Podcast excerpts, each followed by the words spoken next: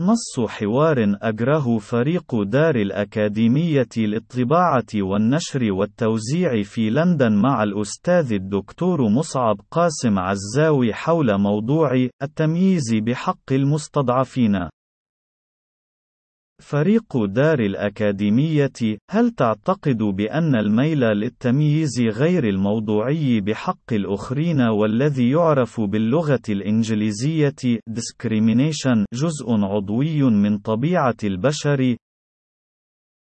مصعب قاسم عزاوي من الناحية العلمية قد يصعب إطلاق صفة إجمالية لما هو من طبيعة البشر إذ أن الكشوفات العلمية تشي بأن سلوك البشر في كل حركاته وسكناته يمثل حاصلا معقدا لتفاعل ما هو فطري وراثي محكوم بالدارات البنيوية الدماغية المبتناة عضويا في تكوين الجهاز العصبي للفرد، والتي هي ناتج المورثات التي يرثها من والديه وبالتالي من أسلافه الذين مرت مورثاتهم عبر الأجيال وصولا إلى والدي الشخص، وبين البيئة والطبيعة التي يعيش ويتربى الفرد في كنفها، والتي تقوم بإعادة نظم ما هو فطري، وتعيد تشكيله، وتبرز أجزاء منه، وتدفع أجزاء أخرى للزوايا المعتمة عبر توازن مرهف يتداخل فيه كل من العناصر الوراثية والعناصر البيئية في صياغة نمط شخصية وسلوك الفرد بنسبتين متقاربتين تتراوح حوالي 50% لكل من المجموعتين. وبناء على ذلك الواقع فقد يبدو من المستحيل على أي عاقل حصيف أن يسبغ على أي سلوك بشري من قبيل التمييز تجاه الآخرين بأنه سلوك فطري عفوي لدى بني البشر.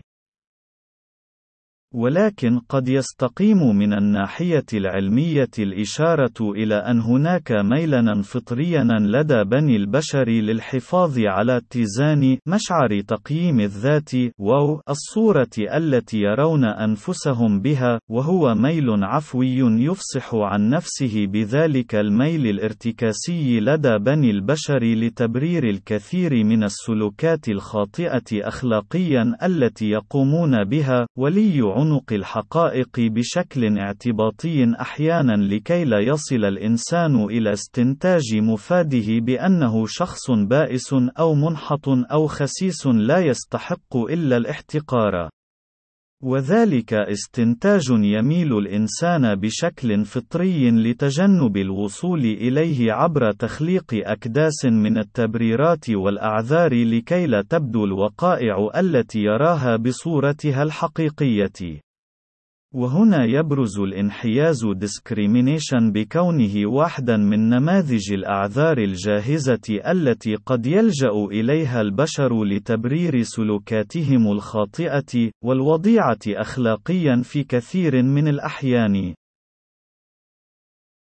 وكمثال على ذلك يصبح السلوك البربري الذي قد يقوم به جلاد من جلاوزة المستبدين والطغاة في أقبية تعذيب المستضعفين فعلا مبررا بحجة أن من يقوم بفعل التعذيب بحقهم مارقون ويحملون أفكار هدامة تهدد السلم الأهلية ليقنع نفسه بصوابية سلوكه المتوحش دون الالتفات إلى أنه أنه يقوم بذلك كضريبة لتنفعه من الفتات الانتهازية التي يحظى بها جراء عمله في جسد الآلة القمعية الاستبدادية التي ينتسب إليها، في محاولة مقنعة منه للحفاظ على حد أدنى من اتزانه النفسي، وعدم انزلاقه لاستنتاجات منطوقها لا بد أن يعني احتقاره لذاته، وانحطاطا في تقدير تغييره لكينونته والصورة التي يرى نفسه بها.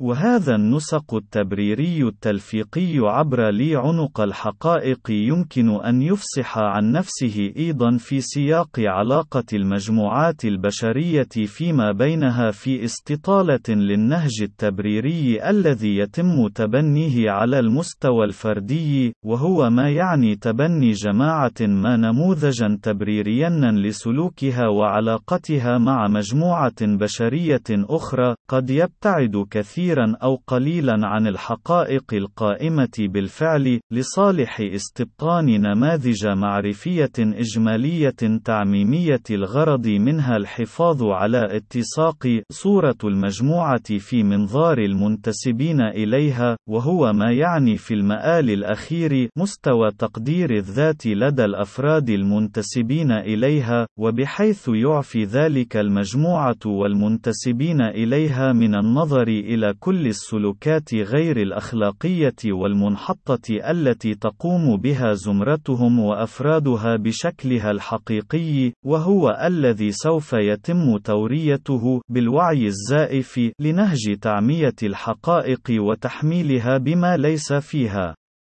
وهنا يبرز التمييز discrimination والعنصرية racism الذي تقوم به مجموعات بشرية تجاه مجموعات أخرى بكونها أكثر النماذج الفكرية التلفيقية التي يتم تبنيها جزافا في عقلنة سلبية للسلوكات غير المنصفة والعادلة التي تقوم بها مجموعة بشرية تجاه أخرى بذرائع مختلفة تحيل المجموعة المستضعفة إلى فئة منزوعة عنها الصفات الإنسانية الأساسية، وهو ما يبرر كل الموبقات التي يتم اقترافها بحقها ويمنح المقترفين مناعة من النظر إلى أنفسهم ومجموعتهم بشكلها الحقيقي البائس، إذ أن ما تم اقترافه من خطايا قد تم تطهيره من أوزاره منظورا إليه بأنه فعل لم يتم اقترافه اعترافه بحق